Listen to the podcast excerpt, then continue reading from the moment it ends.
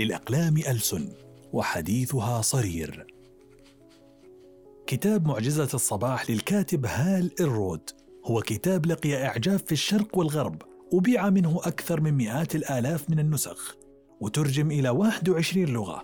يقدم فيه المؤلف ستة أنشطة أو مبادئ لتطوير حياتك وتحسينها نحو الأفضل.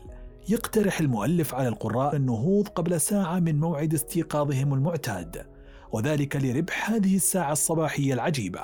فساعة واحدة كل صباح كفيلة لتغيير حياتك.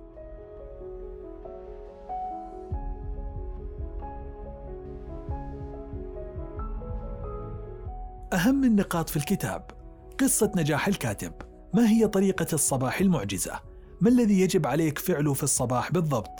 العادات الستة لتحسين الذات. العادات الست للتطور الشخصي. إذا تم تنفيذها كل صباح فستحدث تغيرات معجزة في حياتك.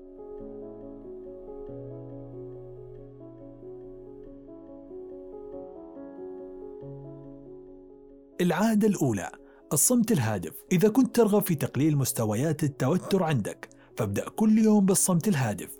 وحاول أن تفكر خلال هذا الصمت بأهم أمر في حياتك لعدة لحظات.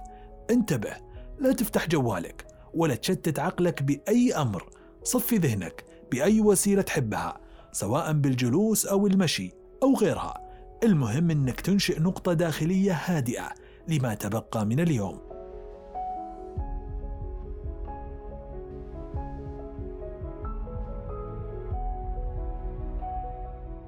العادة الثانية العبارات التأكيدية الإيجابية. فكر في الأمور التي تريد تغييرها وعبر بها مع ذكر اسمك.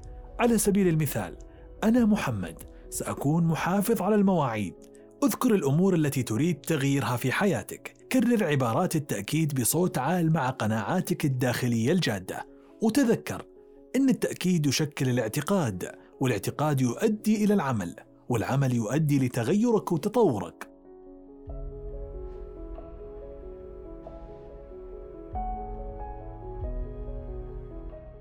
العادة الثالثة التصور أو التخيل. يريد المؤلف منك أنك تكون مثل المتزلج الأولمبي اللي يتصور الذهاب إلى أسفل الجبل ويستطيع تنفيذ كل منعطف باحترافية. تصور نفسك وأنت تقوم بتنفيذ العمل الذي تحتاجه اليوم لتصبح الشخص الذي تطمح إليه. عندما ترى نفسك تنفذ مهمة في عقلك فأنت تجعل تنفيذ المهمة أسهل في وقت التنفيذ لأن التصور يقوي الدوائر العصبية لتستخدمها لإنجاز المهمة أو العمل.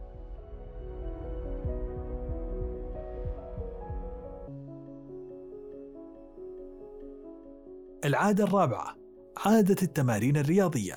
عند زيادة معدل ضربات القلب من خلال التمارين الرياضية فإنك تؤدي إلى إطلاق المواد الكيميائية العصبية مما يزيد بشكل كبير قدرتك على التركيز خلال اليوم وخلال بحث أجراه باحث في كلية الطب بجامعة هارفارد حيث يقول حصة صغيرة من التمرينات الرياضية تشبه تناول قليلا من الريتالين وهو دواء يقوم بعلاج القصور في النشاط.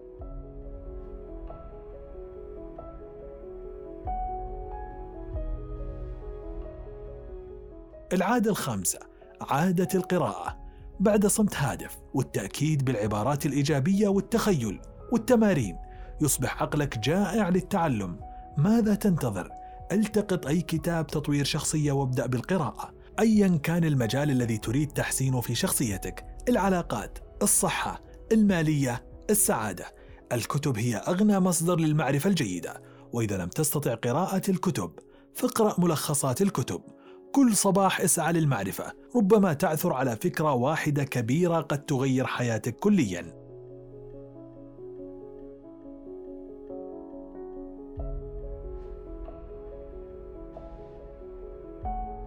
العادة السادسة الكتابة. اكتب ودون الأفكار الكبيرة في حياتك والأشياء التي تريد التحدث بها. لا تعتمد على ذاكرتك. خطط بالضبط لما ستقول. عندما تدون الأفكار وخطط التنفيذ متى وماذا وكيف فإنك تكتسب الحكمة بشكل كبير وستجني عوائدها وتصبح تعمل بها. الصباحات المليئة بالتركيز والإنتاجية والنجاح.